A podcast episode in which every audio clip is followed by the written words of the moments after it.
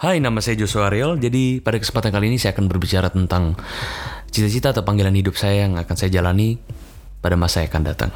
Jadi profesi atau panggilan hidup yang akan saya jalani di masa yang akan datang ialah sebagai seorang desainer sekaligus orang yang berperan dalam bidang perfilman. Panggilan hidup saya ini sebagai seorang desainer sekaligus sutradara perfilman memiliki peran yang cukup penting bagi keadaan dunia.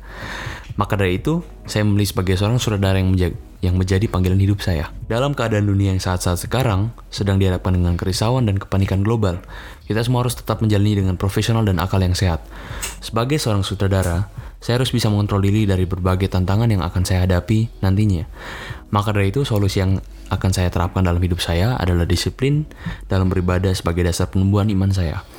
Usaha yang akan saya buat nantinya ialah saya dapat membuat sekaligus merancang sebuah film yang memiliki dampak besar sekaligus menghasilkan poin-poin yang berrelasi dengan kerohanian atau spiritual. Film yang memiliki dampak besar salah satunya ialah Overcomer. Film ini memberi dampak besar terhadap penontonnya. Banyak juga orang yang beragama muslim atau non-Kristen yang memutuskan untuk pindah dan masuk ke Kristen.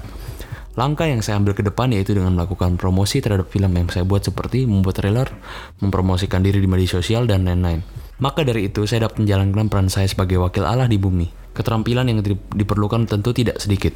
Saya harus bisa merancang narasi cerita, mengatur sudut-sudut pandang tokoh peran, dan mau belajar lagi untuk tekun pada bidang perekaman baik video maupun suara.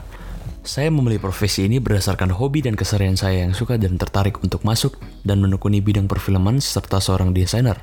Bakat yang telah dikaruniakan Tuhan yakni handal dalam memegang kamera, membuat serta dan menyunting sebuah film dengan baik. Tentu saya tidak akan sia-siakan kesempatan yang telah Tuhan berikan kepada saya sekarang, yang tentunya akan berdampak besar ke depannya jika saya mau belajar dan menekuni bakat yang sudah saya miliki. Tentu setiap dari kita terkadang masih bingung dan ragu-ragu dengan profesi yang akan kita jalani ke depannya. Begitu juga dengan saya. Pada saat saya ragu dan cemas, saya berdoa dan membaca Alkitab agar hati saya bisa tenang dan tujuan saya mutlak diberi dukungan penuh oleh Tuhan sendiri.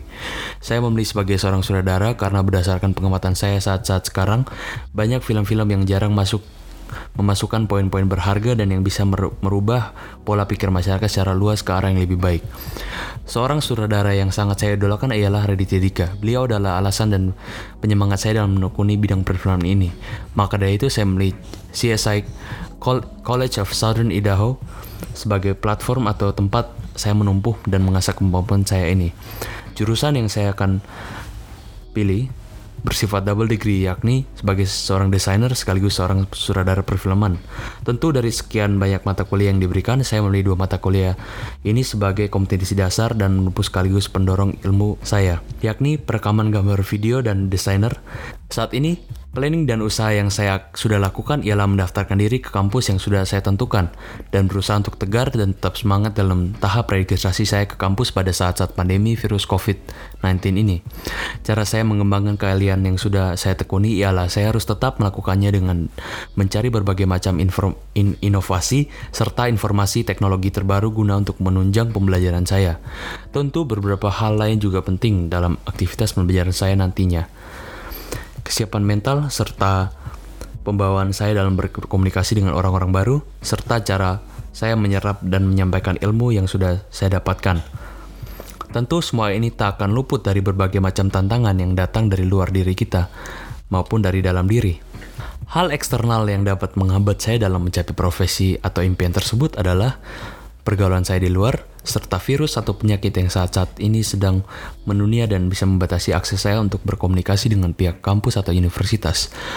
Hal internal yang dapat menjadi hambatan bagi saya tentu adalah sikap dalam diri saya, kemalasan, dan kebiasaan yang suka menunda-nunda pekerjaan serta tugas yang diberikan. Kesan saya dalam mengerjakan tugas ini ialah tugas yang diberikan ini dapat sangat membantu saya untuk memper, memperkuat fondasi saya dalam memilih profesi sebagai seorang sutradara.